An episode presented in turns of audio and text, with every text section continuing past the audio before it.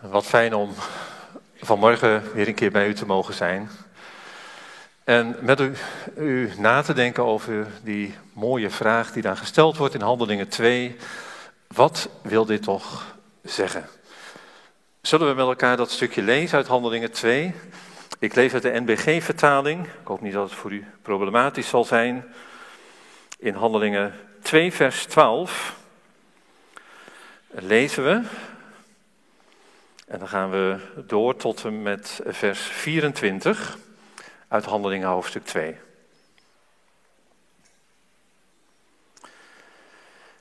En ze waren alle buiten zichzelf en geheel met de zaak verlegen. En ze zeiden de een tot de ander: Wat wil dit toch zeggen? Maar anderen zeiden spottend: Ze hebben te veel zoete wijn gehad. Maar Petrus stond met de elfen op en hij verhief zijn stem en sprak hen toe: Gij Joden en allen die te Jeruzalem woonachtig zijt, dit zij u bekend en neem mijn woorden ter oren, want deze mensen zijn niet dronken, zoals gij veronderstelt, want het is het derde uur van de dag. Maar dit is het waarvan gesproken is door de profeet Joël.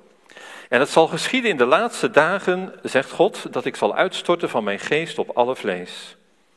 En uw zonen en uw dochters zullen profeteren, uw jongelingen zullen gezicht, gezichten zien, en uw ouderen zullen dromen dromen. Ja, zelfs op mijn dienstknechten en mijn dienstmaagden zal ik in die dagen van mijn geest uitstorten, en zij zullen profeteren. En ik zal wonderen geven in de hemel boven en tekenen op de aarde beneden, bloed en vuur en rookwalm. De zon zal veranderen in duisternis en de maan in bloed, voordat de grote en doorluchtige dag des Heren komt. En dat zal zijn dat al wie de naam des Heren aanroept, behouden zal worden. Mannen van Israël, hoort deze woorden. Jezus de Nazoreër, een man u van Gods wegen aangewezen door krachten, wonderen en tekenen, die God door hem in uw midden verricht heeft Zoals gij zelf weet, deze, naar de bepaalde raad en voorkennis van God uitgeleverd, hebt gij door de handen van wetteloze mensen aan het kruis genageld en gedood. God evenwel heeft hem opgewekt, want hij verbrak de weeën van de dood, nadien het niet mogelijk was dat hij door hem werd vastgehouden. En dan gaan we verder vanaf vers 32. Vers 32. Deze Jezus heeft God opgewekt waarvan we alle getuigen zijn. Nu hij dan door de rechterhand Gods verhoogd is en de belofte des Heilige Geestes van de Vader ontvangen heeft, heeft hij dit uitgestort wat gij ziet en hoort. Want David is niet opgevaren naar de hemelen, maar hij zegt zelf, de Heer heeft gezegd tot mijn heren, zet u aan mijn rechterhand, totdat ik uw vijanden gemaakt heb tot een voetbank voor uw voeten. Dus moet ook het ganse huis Israël zeker weten dat God hem en tot Here en tot Christus gemaakt heeft, deze Jezus die gij gekruisigd hebt. Toen zij dit hoorden, werden zij diep in hun hart getroffen. En ze zeiden tot Petrus en de andere apostelen, wat moeten we doen, mannenbroeders?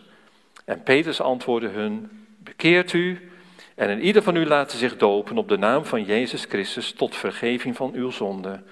En gij zult de gave van de Heilige Geest ontvangen. Want voor u is de belofte en voor uw kinderen en voor allen die verre zijn. Zoveel als de Heer ons God ertoe roepen zal. En met nog meer andere woorden getuigde hij en hij vermaande hen zeggende, laat u behouden uit dit verkeerde geslacht. Zij dan die zijn woord aanvaarden, lieten zich dopen en op die dag werden ongeveer 3000 zielen toegevoegd. En ze bleven volharden bij het onderwijs der apostelen, de gemeenschap, het breken van het brood en de gebeden. Prachtig stukje over het begin van de gemeente van de Jezus Christus.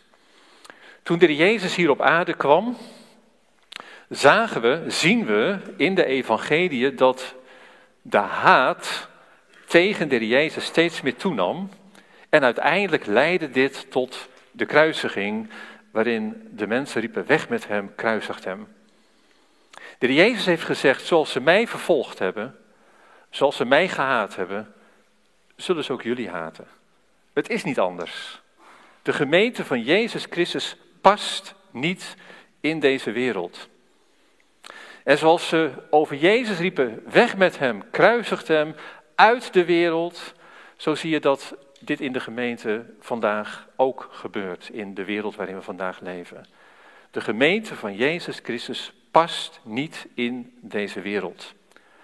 Er staat ook letterlijk in de Bijbel, wij zijn burgers van het Rijk uit de hemelen. Ons burgerrecht ligt in de hemel en niet hier op deze aarde. En je zult het de komende tijd steeds meer gaan ervaren als je als christen in deze wereld leeft. Dan zul je drie dingen gaan ervaren. Je gaat steeds meer vervreemden in deze wereld. Dat is het eerste wat je mee gaat maken. Het tweede wat je mee zult maken, dat is, je krijgt te maken met verdrukking. Ze accepteren je niet meer. En het derde wat je mee zult maken, dat is dat er op een gegeven moment ook vervolging komt. De drie V's. En uh, het is zo mooi om te zien dat deze gemeente van Jezus Christus begon als een, je zou kunnen zeggen, als een heldere bergstroom. Uh, ontsprongen op een berg. En die rivier was niet meer te dammen, niet meer te stuiten. De gemeente van Jezus Christus was zo'n bruisend begin. En waar de geest van God zijn werk doet, daar gaat de gemeente door. En het is zo mooi dat een van de grootste leiders van Israël, in de tijd dat de gemeente ontstond, Gamaliel, de man waar ook Paulus gestudeerd had, die zei: Als dit werk uit God is, dan kun je doen wat je wilt, maar je zult het niet kunnen stoppen. En dat is juist zo mooi dat wij ook op deze tijd, op deze zondag, waarin we verbonden mogen zijn met zoveel broeders en zusters die in het geheim samenkomen of die mensen moeten missen of mensen in de gevangenis gegooid worden omdat ze geloven, dat wij juist nu mogen weten, God doet dit werk. En dan kunnen ze doen wat ze willen, maar de gemeente van Jezus Christus is na 2000 jaar, bijna 2000 jaar, nog net zo springlevend. En dat, dat mogen we ook vanmorgen ervaren. En vanmorgen is het zo mooi dat Petrus antwoord geeft op de vraag: wat wil dit toch zeggen? Nou, er gebeurde heel wat in die tijd. Op die grote Pinksterdag in Jeruzalem gebeurden er drie tekenen. We hebben het gehad over wonderen in de hemel en tekenen hier op deze aarde. Er gebeurden drie tekenen. En deze drie tekenen die vragen om uitleg. In de eerste plaats kwam er een geweldige windvlaag. Een gedreven wind. In de tweede plaats het teken van het vuur wat zich verdeelde over allen. Een zichtbaar vuur. En het derde teken was dat ze ineens allemaal talen spraken van al die Joden die uit allerlei landen bij elkaar gekomen waren. Dat was niet gebrabbel of zo, uh, maar dat waren gewoon bestaande talen die ergens gesproken werden. En dat deze Galileese mannen boven zichzelf uitgetild werden en zomaar die talen spraken waarin de Joden geboren werden. Drie hele bijzondere tekenen. Heel kort, dat eerste teken, dat was die windvlaag. Net zo als dat de Heere God in Genesis 2, vers 7 zijn levensadem blaast in Adam, waardoor Adam een levende ziel werd. Zo lees je dat God zijn levensadem, zijn geest, blaast in de gelovigen die daar bij elkaar waren. Waardoor de mens een nieuwe mens werd, een nieuwe schepping. Dat leidde tot wedergeboorte. Zoals Adam door Gods adem een levend mens werd, zo bent u en ik hoop jij, als je dat nog niet meegemaakt hebt, door het blazen van Gods geest ook opnieuw geboren. Een nieuwe mens geworden. Weer Jezus kondigt dit al aan, hè? Als hij na zijn opstanding bij zijn apostelen verschijnt, dan, uh, dan staat er in, in uh, Johannes 20, en hij blies op hen. En hij zei, ontvangt de Heilige Geest. Hij blies op hen. Nou weet je, dat is zo prachtig om, om dit grote teken te mogen zien dat Gods geest als een windvlaag, God blies zijn leven in het hart van de gelovigen. Even een vraagje, heb jij dat al meegemaakt? Ben jij opnieuw geboren? Heb jij dat blazen van Gods geest ook in jouw leven mogen ervaren, dat je opnieuw geboren werd? Dat is Pinksterfeest. En ik hoop dat jullie allemaal die wedergeboorte, die nieuwe schepping meegemaakt hebt. Het tweede wat je dan gaat krijgen, en dat, dat, dat komt, komt daar direct na, dan daalt het vuur van God naar beneden. Weet je, dat vuur van God, dat daalt op twee manieren naar beneden in de Bijbel. De eerste manier vind je dat het vuur van God naar beneden komt altijd op een offer, op een altaar. Anders daalt het vuur van God niet naar beneden. Uh, ik ben soms wel eens een beetje op een verkeerd been gezet door, en dat zijn prachtige plaatjes hoor, prachtige plaatjes uit de kinderbijbel van Anne de Vries of W.G. van der Hulst. Dan zie je die twee mannen, Kain en Abel, die een offer brengen aan de Heer. Hè? En, en, en dan zie je dat de rook van het altaar van Abel stijgt omhoog. En de rook van het altaar van Kain, dat blijft een beetje langs de grond, een beetje beneden. Daarmee wilde W.G. van der Hulst of Anne de Vries duidelijk maken van het offer van Abel werd aanvaard, maar het offer van Kain werd niet aanvaard. Nou, dat zou kunnen. Ik denk dat het iets anders zat. En dat zie je door de loop van de geschiedenis. Abel, die had het offer gebracht en een lam lag op het altaar. Maar weet je, in die tijd kwam het vuur van God van boven naar beneden. En God stak zelf dat offer aan. En dat offer van Abel, dat werd door God zelf aanvaard en aangestoken. Maar het offer van Kain, dan staat er God zag het niet eens. Datzelfde zie je ook bij de tabernakel.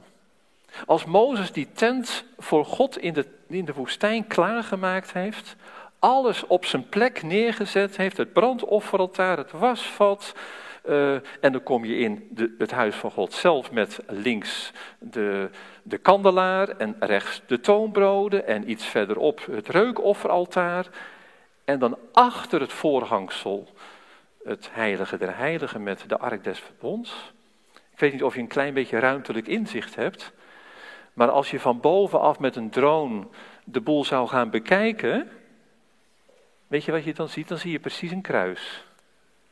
Dan zie je precies een kruis. Dus dat kruis dat was daar al in, in, in, in, in de woestijn. Maar alles stond op zijn plek. Een offerdier was op het altaar gelegd. En toen? Toen was het wachten. En wat staat er dan in Exodus? Toen daalde het vuur van God naar beneden en verteerde het offer wat op het altaar lag. En vanaf dat moment mocht niemand meer vreemd vuur voor Gods aangezicht brengen. Want elk offer wat daarna gebracht werd, werd aangestoken door hetzelfde vuur. Je weet dat waarschijnlijk wel, dat als je vroeger bij een smederij kwam, dan had je zo'n zo'n grote bak waar al dat kool en, en dat, die koolbrokken in lagen. Maar een smid die hield altijd het vuur brandende. Altijd in een hoekje, daar smeulde het vuur en s'morgens vroeg, als hij dan in de werkplaats weer kwam, dan zette hij de blazer aan en dan stond het hele spul weer in, in vuur en vlam. En zo werden al die offers door hetzelfde vuurtje aangestookt, aangemaakt. Zo, zo ging dat in de woestijn. En toen ging Salomo de tempel bouwen. En Salomo die bouwde de tempel in zeven jaar met bijna 200.000 mannen. En, en toen was ook de tempel van Salomo klaar. Maar toen was het ook wachten. Net zoals dat de Jezus zei, jullie moeten wachten. En toen kwam ook het vuur van God naar beneden. En het altaar wat Salomo gebouwd had, werd ook aangestoken. Dus hier zie je dat als dat vuur van God naar beneden komt, dan komt dat op een offer. Als jij het vuur van God in jouw leven wil ervaren, dan zul je eerst tegen de Heere God moeten zeggen, Heere God, mijn leven is voor u.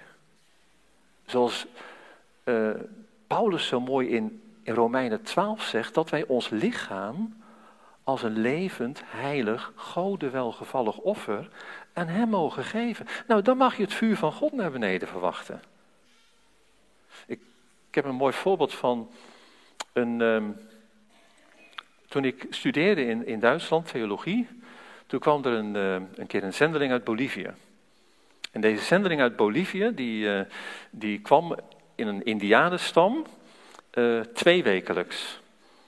En die eerste keer dat hij kwam in die India indianenstam, kwam de hoofdman van die indianenstam naar voren. En die was zeer geroerd door de boodschap. En op de tafel waar achter de zendeling stond, zette hij een hele grote zak met geld neer. En hij zei tegen die zendeling, is uw God zo tevreden? Want ik wil graag bij die God van u horen.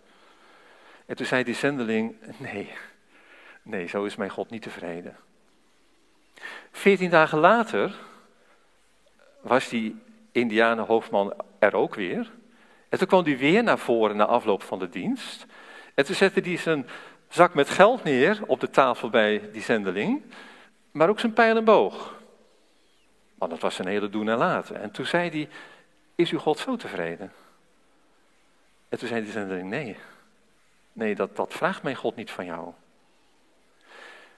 Weer twee weken later kwam deze indianenhoofdman met betraande ogen naar voren. En hij had zijn geld een zak met geld bij zich, zet hij op de tafel. Hij legde die pijl en boog daar neer op die tafel. En toen ging hij zelf op die tafel liggen. En toen zei hij, is uw God zo tevreden? En toen zei hij zender, ja. God die vraagt niet iets van jou, maar God die vraagt jou. Nou weet je, als je dat doet, als jij jezelf aan Hem aanbiedt. Heer, ik, ik wil er voor u zijn. Want dat was het doel van Gods schepping. God zegt, laat ons mensen maken. Ik heb een plan met je en jij mag je leven aan God geven.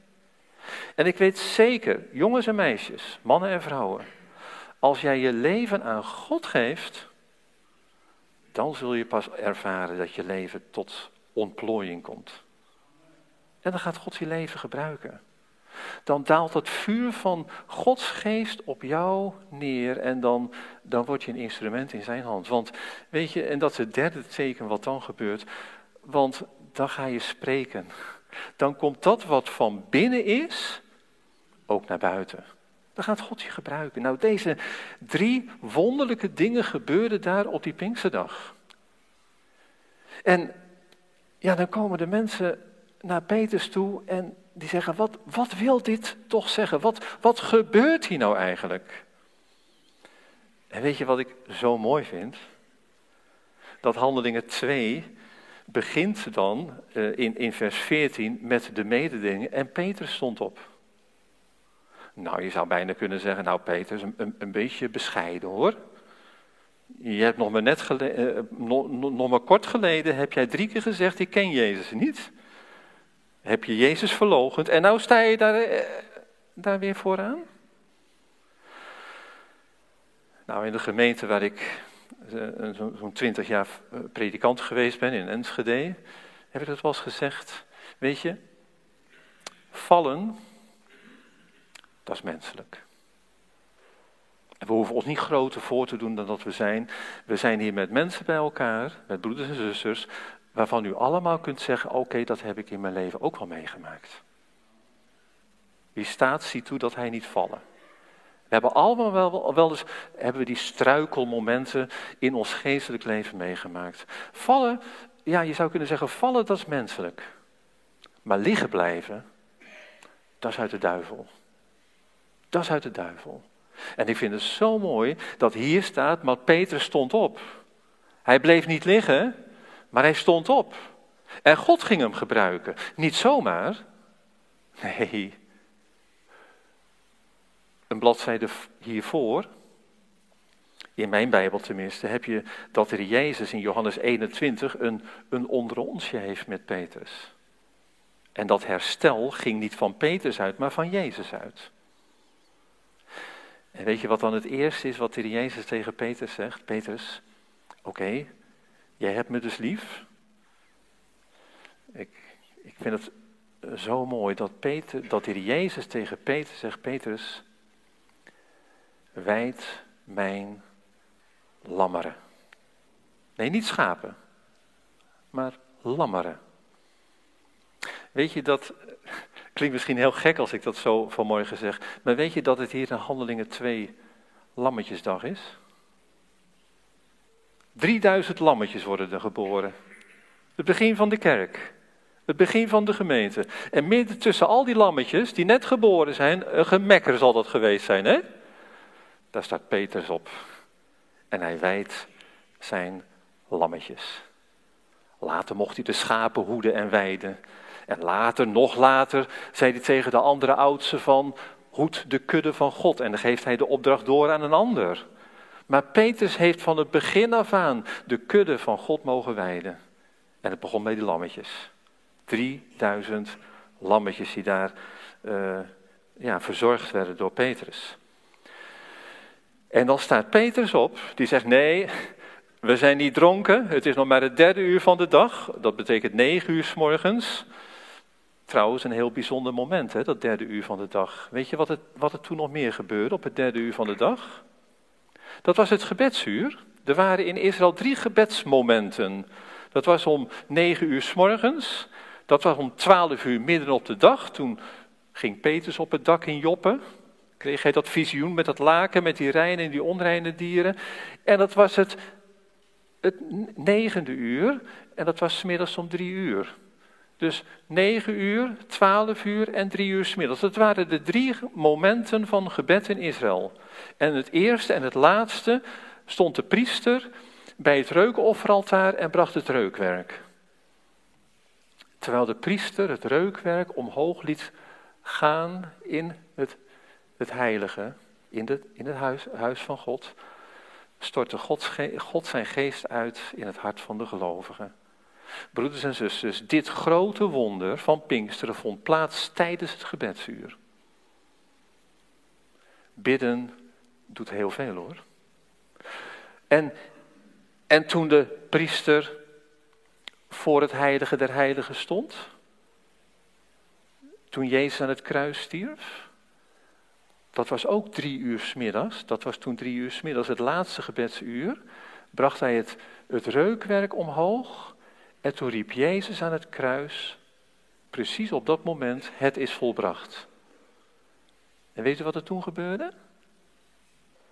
Dan staat er, toen scheurde het voorhangsel van boven naar beneden in twee stukken. Nou, wat zal die priester geschrokken zijn, hè? Het is wat, je staat daar voor het gordijn en zonder mensenhanden zie je ineens dat het kleed in tweeën gescheurd wordt. Dat kleed waar die gerubijnen op geborduurd waren. Die cherubijnen die Adam en Eva uit de Hof van Eden moesten houden. En dat, dat voorhangsel, dat was niet zomaar een gordijntje hoor. De Joden, moet maar aan een Jood vragen hoe, hoe dik dat voorhangsel was. Je zult het niet, niet bevatten bijna. Maar het was een stuk weef, uh, een, een, een, een weefwerk van vier vinger dik. Je zou bijna eh, een soort vouwwand. En dat scheurde uit elkaar. En God liet zien, de weg naar God is vrij. Gebeurde ook tijdens zo'n gebedsuur. Bidden is zo belangrijk. Ook voor jou. Ook voor onze broeders en zusters die vervolgd worden. Het gebedsuur. En dan staat Petrus daarop en hij zegt, en dat, dat staat in vers 16, dan staat Petrus op, hij zegt het, het is nog maar het derde uur, maar dan zegt hij hier, maar dit is het. Wat wil dit toch zeggen? Petrus het op, hij zegt, maar dit is het. Kijk, weet je, hij zegt, daar staat het. En dan een man als Petrus, nou een hoge theologische opleiding heeft hij niet gevolgd hoor. En wel bespraakt was hij ook niet. Maar hij was wel vol van de Heilige Geest. En Petrus die staat daarop en die zegt, kijk, in Joel staat het. Kijk in, in de psalmen kun je het lezen. Kijk eens eventjes in, in het boek Samuel, waarover David gesproken wordt, over zijn zoon, dat hij voor altijd op de troon zal zitten. En kijk dan tenslotte ook nog eens even naar Jezaja, waar staat dat zij die ver zijn of zij die dichtbij zijn, ze mogen allemaal komen. Waar haalt die Petrus die wijsheid vandaan? Hij baseert zijn prediking op, op allerlei gedeelten uit het Oude Testament die hij zo even oplepelt. Nou, dat is nou het werk van de geest van God in je leven. En dan denk je misschien, ja, maar ik ben Petrus niet. Nee, dat ben je ook niet. Maar je bent wel uniek. En zoals God een man als Petrus kon gebruiken, zo kan hij ook jou gebruiken. In zijn dienst. Op een hele unieke manier. Maar er zit nog wat anders achter. Wij leven vandaag in een tijd waarin heel veel gebeurt. En het lijkt wel of wij in onze samenleving te maken hebben. We, we, we, gaan van de ene crisis naar de andere crisis. En nu zitten we weer in een energiecrisis. We hebben een coronacrisis. We hebben een financiële crisis. We hebben een identiteitscrisis waarin heel veel jonge mensen terechtgekomen zijn. We hebben een crisis wereldwijd, een politieke crisis. Nou, ga zo maar door. Ik heb een goede vriend gekend vroeger, broeder Jan Kits. En hij heeft eens een keer een preek gehouden, ik zal hem nooit meer vergeten. Hij zei, crisistijd is Christustijd. Want een crisis brengt je ook bij Christus. Want Hij is degene die de oplossing kan geven. Er gebeurt heel veel om ons heen. En er wordt aan ons als christenen gevraagd: wat wil dit toch zeggen? Wat betekent het? Wat betekent die crisis in Oekraïne? Wat betekent die onrust onder de volkeren? Wat betekent dat wat er vandaag in Israël gebeurt? Wat betekent die expansiedrift van China?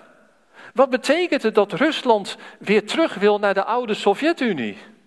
Wat betekent het dat ook in de maatschappij in Nederland mensen op een gegeven moment ook niet meer anders kunnen betalen dan alleen maar met hun pinpas? Wat betekent dit allemaal? En als je dan als christen kunt zeggen, dit is het. Daar staat het. Want deze dingen, wat zegt de Bijbel, moeten gebeuren, want we zijn op weg naar de komst van de Jezus.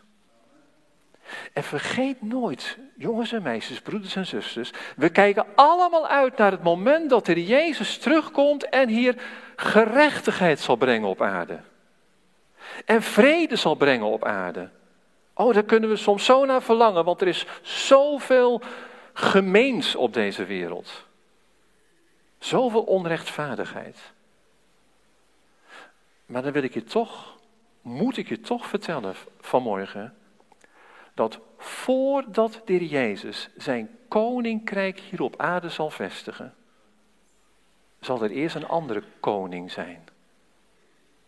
Zal er eerst een andere wereldleider zijn, die net zoals de Jezus over de hele wereld zal gaan regeren. En helaas, ik kan het niet mooier maken dan het is. Dat is de antichrist. Dat is de antichrist die alle mensen aan zich zal onderwerpen. En dat is nog dichterbij dan de wederkomst van Jezus. En ik geef wel eens seminars vanuit het zoeklicht over dit thema. En dan staat er in 1 Johannes 4, de geest van de antichrist is al in deze wereld. En net zoals dat de geest van Christus ons voorbereidt op de komst van de Jezus Christus, zo bereidt de geest van de antichrist de hele wereld voor op de komst van de antichrist. En ik kan u wel vertellen vanmorgen, de rode loper voor de antichrist, die is al helemaal uitgerold. En hij kan elk moment zich openbaren in deze wereld als de grote wereldleider. Want deze wereld snakt naar een wereldleider. Degene die eindelijk de problemen op kan lossen. En dat moment is heel dichtbij gekomen. Bent u daar klaar voor? Want voordat dit moment plaats zal vinden, voordat de antichrist zijn heerschappij zal uitroepen over deze wereld, en, zal, en dan zeven jaar zal regeren over deze aarde, de, de laatste zeven jaar, zo wordt het beschreven in Daniel, voordat de Jezus terugkomt en een einde zal maken aan deze antichristelijke heerschappij. Voordat dat gaat gebeuren, zal de Jezus eerst zijn gemeente tot zich nemen. En dat kan elk moment plaatsvinden. Ja, maar daar zit ik helemaal niet naar uit te kijken. Daar zit ik helemaal niet naar uit te kijken. Ik ben er helemaal niet klaar voor. Ik, ik, ik wil eerst nog trouwen, ik wil eerst nog carrière maken, ik wil eerst nog dit doen. Ik wil... Ja, oké, als het zo is. Stel eens voor dat ik een paar weken naar Amerika moet voor een aantal lezingen, conferenties. En uh, ik kan eerder thuiskomen. En ik bel Helene, mijn vrouw, op. Ik zeg, Helene, ik zou volgende week woensdag thuiskomen, maar ik kan al voor het weekend thuiskomen. En dat mijn vrouw aan de andere kant van de lijn zegt, ja Theo, je bent nou twee weken weg geweest. Plak er nog een weekje aan vast, joh. Ga nog eens even kijken daar in New York of zo. Je hoeft helemaal geen haast. Uh, geen haast, wij redden ons wel. Nou, ik denk dat ik dan nog eerder naar huis zou gaan. Ja, toch? Dan vraag ik me af, dan vraag ik me af. Hou je nog wel van me? Vind je het niet leuk als ik thuis kom? Hoe is het nou met jouw liefde? Er is één gemeente die door Johannes aangeschreven wordt in openbaring, die verwachtte de Jezus. En weet je welke gemeente dat was? Philadelphia. En Philadelphia betekent broederlijke liefde. Ik denk als je vol bent met de liefde van de liefde van Christus, dan is elke dag te lang. Dan verlang je naar de komst van Jezus. Peter zegt, wat er gebeurt hier, daar staat het. En broeders en zusters, het is ontzettend belangrijk, jongens en meisjes, dat wat er gebeurt wereldwijd in deze wereld, dat ook jij kunt zeggen, net zoals Peters, hé, daar staat het in Joel, daar staat het in Zacharia, daar staat het in Ezekiel. Dat gebeurt er vandaag. Het gebeurt niet zomaar, maar het is Gods plan. Ja, en dan gaat Peters, die begint zijn preek. Ja, en wat een preek, hè? Weet je waar, waarmee Peters zijn preek begint? Peters begint zijn preek in vers 22. Daar staat: Mannen van Israël, hoor deze woorden. En het eerste woord wat hij uitspreekt is: Jezus de Nazoreër. Mooi hè? Dat is het begin van zijn preek. En waar eindigt hij mee? In vers 36, daar staat het einde van zijn preek. Dat God hem en tot Here en tot Christus gemaakt heeft. Deze Jezus. Mooi hè? Zijn preek begint met Jezus. Zijn preek die eindigt met Jezus. En alles wat er tussendoor verteld wordt, gaat alleen maar over Jezus. Dat is de inhoud van zijn preek. Jezus. De gereformeerden onder ons die zouden zeggen: oké, dat is een christocentrische prediking. Het gaat over Christus, over niemand anders. Het gaat over Jezus. Jezus die door God aangewezen is, zegt hij. Door tekenen en wonderen. Al die tekenen en wonderen die Jezus tijdens zijn leven hier op aarde deed, waren door God gearrangeerd, als het ware, om te zeggen: kijk eens, hij is het. Hij is het. Dat kan niemand anders doen. Hij is de zoon van God. Het was niet de bedoeling dat de Jezus alle mensen hier op aarde zou gaan genezen. Als hij in Bethesda komt, waar een menigte van, van zieken daar aanwezig is, in zo'n soort sanatorium, dan wordt er maar eentje uit genezen. Waarom? Zodat iedereen weet, hij is het. Er waren heel veel melaatsen, en heel veel blinden, en heel veel verlamden. Maar ze werden niet allemaal genezen. Nee, God die gebruikte die teken om te laten zien, kijk, hij is het. Het tweede is, hij is gekruisigd. Maar, zegt Petrus, zoals God het van tevoren gezegd heeft. Het was Gods bedoeling. Jezaja zegt, het Joodse volk heeft ogen, maar ze zien niet. Ze hebben oren, maar ze horen niet. Ze hebben een hart dat niets opmerkt. Als dat nou eens anders geweest zou zijn. Als het Joodse volk nu wel de Jezus gezien zou hebben als de Messias. Als ze nu wel de Jezus aanvaard zouden hebben, zou de Jezus dan naar het kruis gegaan zijn? Nee. Dan hadden wij geen vergeving van zonde. God heeft bewust dat Joodse volk verblind, zodat hij voor ons gekruisigd werd. Weet u dat de Jezus aan het kruis bidt, Vader, vergeef het hun, want ze weten niet wat ze doen. En weet je wat Petrus zegt in zijn toespraak? Ik weet dat jullie het uit onwetendheid gedaan hebben. Het kon niet anders. God had dit zo gepland. Dat het Joodse volk verblind was, dat ze hem verworpen hebben, dat hij naar het kruis ging voor u en mij. Zo heeft God het Joodse volk gebruikt als een heilsvolk. Maar we weten ook dat er een moment zal komen dat het Joodse volk tot geloof zal komen en hersteld zal worden. Maar om u, om mij, werd Jezus daar gekruisigd. Hij is opgestaan en dan gebruikt Paulus allerlei teksten uit de psalmen om dat te bewijzen. Hij zit aan de rechterhand van de Vader en hij gebruikt ook weer teksten uit de psalmen om dat te bewijzen. En hij zal straks als koning heersen en ook daar gebruikt hij tekst. Petrus onderstreept, onderbouwt zijn prediking over Jezus elke keer weer uit teksten van het Oude Testament.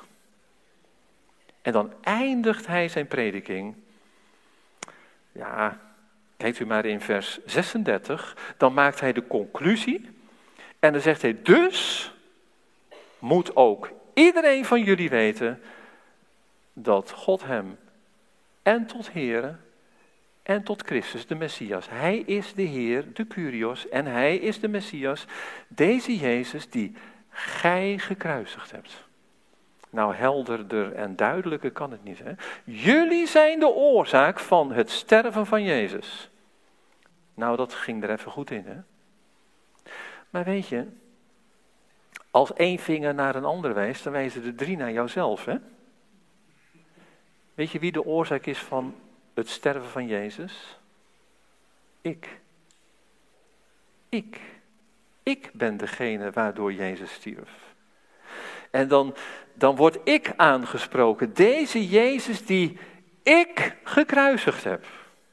Ik ben degene die het gedaan heeft. En als je dat gaat beseffen, dan, dan, dan gebeurt precies hetgeen wat hier staat. Toen zij dit hoorden, werden zij diep in hun hart getroffen. En toen riepen ze het uit, wat moet ik doen? Weet je wat ik vandaag vaak mis? In de gemeente van Jezus Christus. Een oud predikant, dominee Mites, die uh, heel veel werk gedaan heeft in Nederland. Samenkomst hield in Apeldoorn, waar koningin Wilhelmina de, de, de, de samenkomsten opende hoofd van de nazorg van de Billy Graham campagnes, deze dominee Mieters, die zei tegen mij eens een keer, weet je waar ik me zorgen over maak? Dat heel veel christenen, christenen de bekering des harten missen. Echt bekeerd zijn. Echt opnieuw geboren zijn. Ach, ze nemen Jezus wel aan of ze kiezen wel voor Jezus, maar wat betekent dat eigenlijk? Als je niet met Christus gestorven bent, als je niet je oude leven afgelegd hebt, nou ja, je kunt je leventje niet verbeteren. Het moet eerst dood. Die oude, die die Theo, die moest eerst dood. En dat betekent dat Peter zegt, deze Jezus die jullie gekruisigd hebben. En dan ga je op een gegeven moment beseffen dat Jezus niet alleen voor ons gestorven is, maar wij met hem, wij hadden de dood verdiend. Wij hadden moeten sterven. En weet je, Nou ja, het is het thema geweest van opwekking in Biddinghuizen, geraakt door Jezus. Maar weet je, ik wil er toch een, een verschil in maken. Je kunt in je ziel geraakt worden. In je ziel geraakt worden. Je ziel, dat is als het ware je persoonlijkheid. Je ziel wordt gevormd door drie elementen.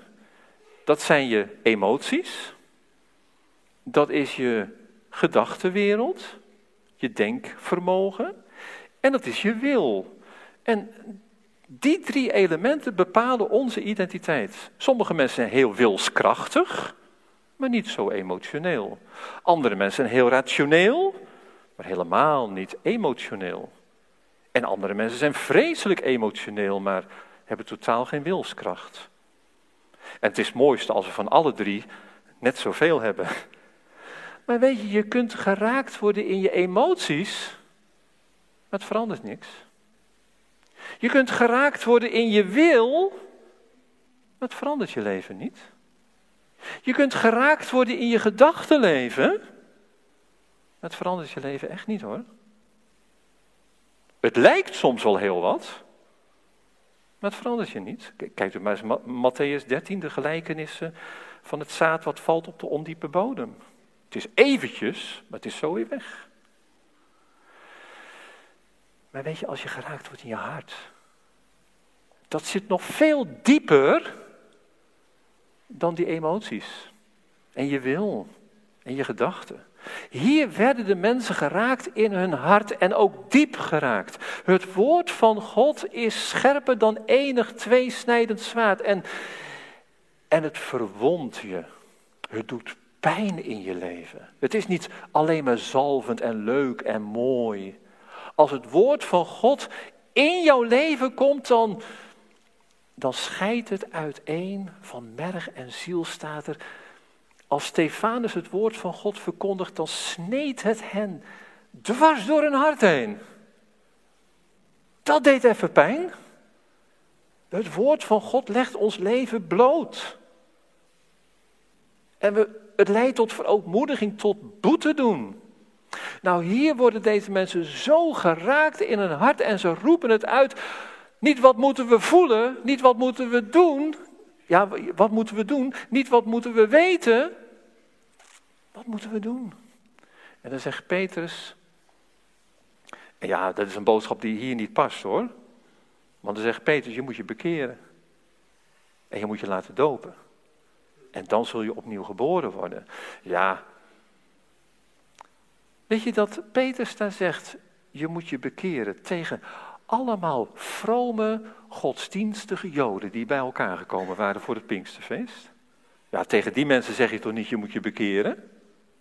Vrome mensen. Mensen die allemaal besneden waren. Mensen die opgenomen waren in het verbond van Abraham, Isaac en Jacob. Mensen die de wet hielden. Ja, dan ga je toch niet een oproep doen van mensen, je moet je bekeren. Toch wel. God heeft wat dat betreft niets aan onze vroomheid. Alleen aan een verslagen hart. Aan een gebroken hart. Aan een leven dat begrijpt van, dit leven kan God niet behagen. Dit leven moet eerst dood. Er moet opnieuw geboren worden. Dit kunnen we niet verbeteren. Theo Niemeyer was onverbeterlijk. Echt niet. Ik, ik, ik kon hem niet verbeteren. Hij moest eerst sterven. En met Christus opstaan in nieuw leven. Weet je, er is geen mooier beeld dan wat u volgende week kunt zien dan de doop. Dat mensen begraven worden onder het water. En daarmee laten zien van het oude leven is in Christus voorbij. En opstaan in nieuw leven met Christus. Oh, wat een. Ik zou, ik zou willen dat ik er volgende week bij kon zijn om even te mogen zien. Maar het is zo'n mooi beeld. Wat moet ik doen? En ja, weet je dan. Dan komen er 3000 mensen tot geloof. Nou, Peters, ik weet niet hoe Peters dat gehandeld heeft hoor. Je zult maar, je zult maar 3000 mensen op één dag moeten dopen na, na, na afloop van de dienst. Ik denk dat ik wel pijn in mijn rug zou krijgen hoor. Waar Petrus heeft gezegd, nou 1500 gaan afdalen naar het badwater Siloam. Dat gebeurt allemaal in Jeruzalem. 1500 gaan naar het badwater Bethesda en dopen maar. Laat maar zien wat er gebeurd is. En heel Jeruzalem stond op zijn kop. En daarmee begon de gemeente van Jezus Christus. Niemand kon de gemeente van Jezus Christus tegenhouden. Ook de vervolgingen niet. Want ze waren gegrepen door Christus. En ze wisten, Christus heeft geleden. Christus werd de wereld uitgekruisigd. En dat zal ook met ons als gemeente van Jezus Christus gebeuren, als we Hem volgen. Dus daarom, op deze zondag is het heel goed om met elkaar na te denken over de vervolgde christenen. Maar tegelijkertijd is het heel goed om te beseffen, dit is zoals het hoort. Dit kunnen we verwachten in deze wereld. En ik ben ook bereid om die weg te gaan die de Heer voor mij bereid heeft. Laat je behouden. Zoals Joel dat zo mooi zegt, ieder die de naam des Heeren aanroept zal behouden worden. Uit dit verkeerde geslacht. Peter spreekt, Paulus spreekt zelfs over een ontaard geslacht. Ik zal u eerlijk vertellen, ik heb nog nooit zo gezien dat de mensheid zo ontaart. Ik heb altijd gezegd, hoe dichter een mens bij God leeft, hoe menselijker een mens is. Hoe verder een mens bij God vandaan komt te staan, hoe onmenselijker een mens wordt. Ja, zelfs beestachtig. Dus dicht bij God, dan word je pas echt mens. Zoals God het bedoeld heeft. Laat je behouden. En vandaar deze toespraak. Weet je, wat ik zo mooi vind aan Petrus? Hij begint zijn toespraak spraak met gij Joden. Gij Joden. Dus een beetje afstandelijk, hè? Even later zegt hij, mannen van Israël. En weet je waar hij mee eindigt? Mannenbroeders. Hij komt steeds dichterbij. Broeders en zusters, geliefden, jongens en meisjes. Blijf niet op een afstand. Maar vraag aan de Heer, wat moet ik doen? En weet je straks, als de zegenbede uitgesproken wordt, verschijnt er ook op de beamer een mogelijkheid om een gesprek te hebben, om na te praten. Gebruik die gelegenheid. Misschien is het vandaag wel de laatste keer. Want de komst van Jezus is heel dichtbij. Laat je met God verzoenen. En uh, er is voor niemand een andere weg. Voor mij niet. Voor de mensen hier in Emmeloord niet. Het is bekeren, dopen en je zult vol worden van Gods geest. Je wordt opnieuw geboren. Nou, waarom zou je dat tegenstaan? Waarom zou je dat niet willen? Ik hoop dat God jou leidt tot de juiste beslissing. En weet je, daar gaat ook het volgende lied over. De muzikanten die kunnen wel naar voren komen. Dat lied, dat is God wijst mij de weg. Ik mag misschien een klein beetje jou de weg wijzen vanuit het woord van God. Petrus heeft hen de weg gewezen. Maar uiteindelijk wijst God mij de weg die ik gaan moet. Ook naar het kruis toe.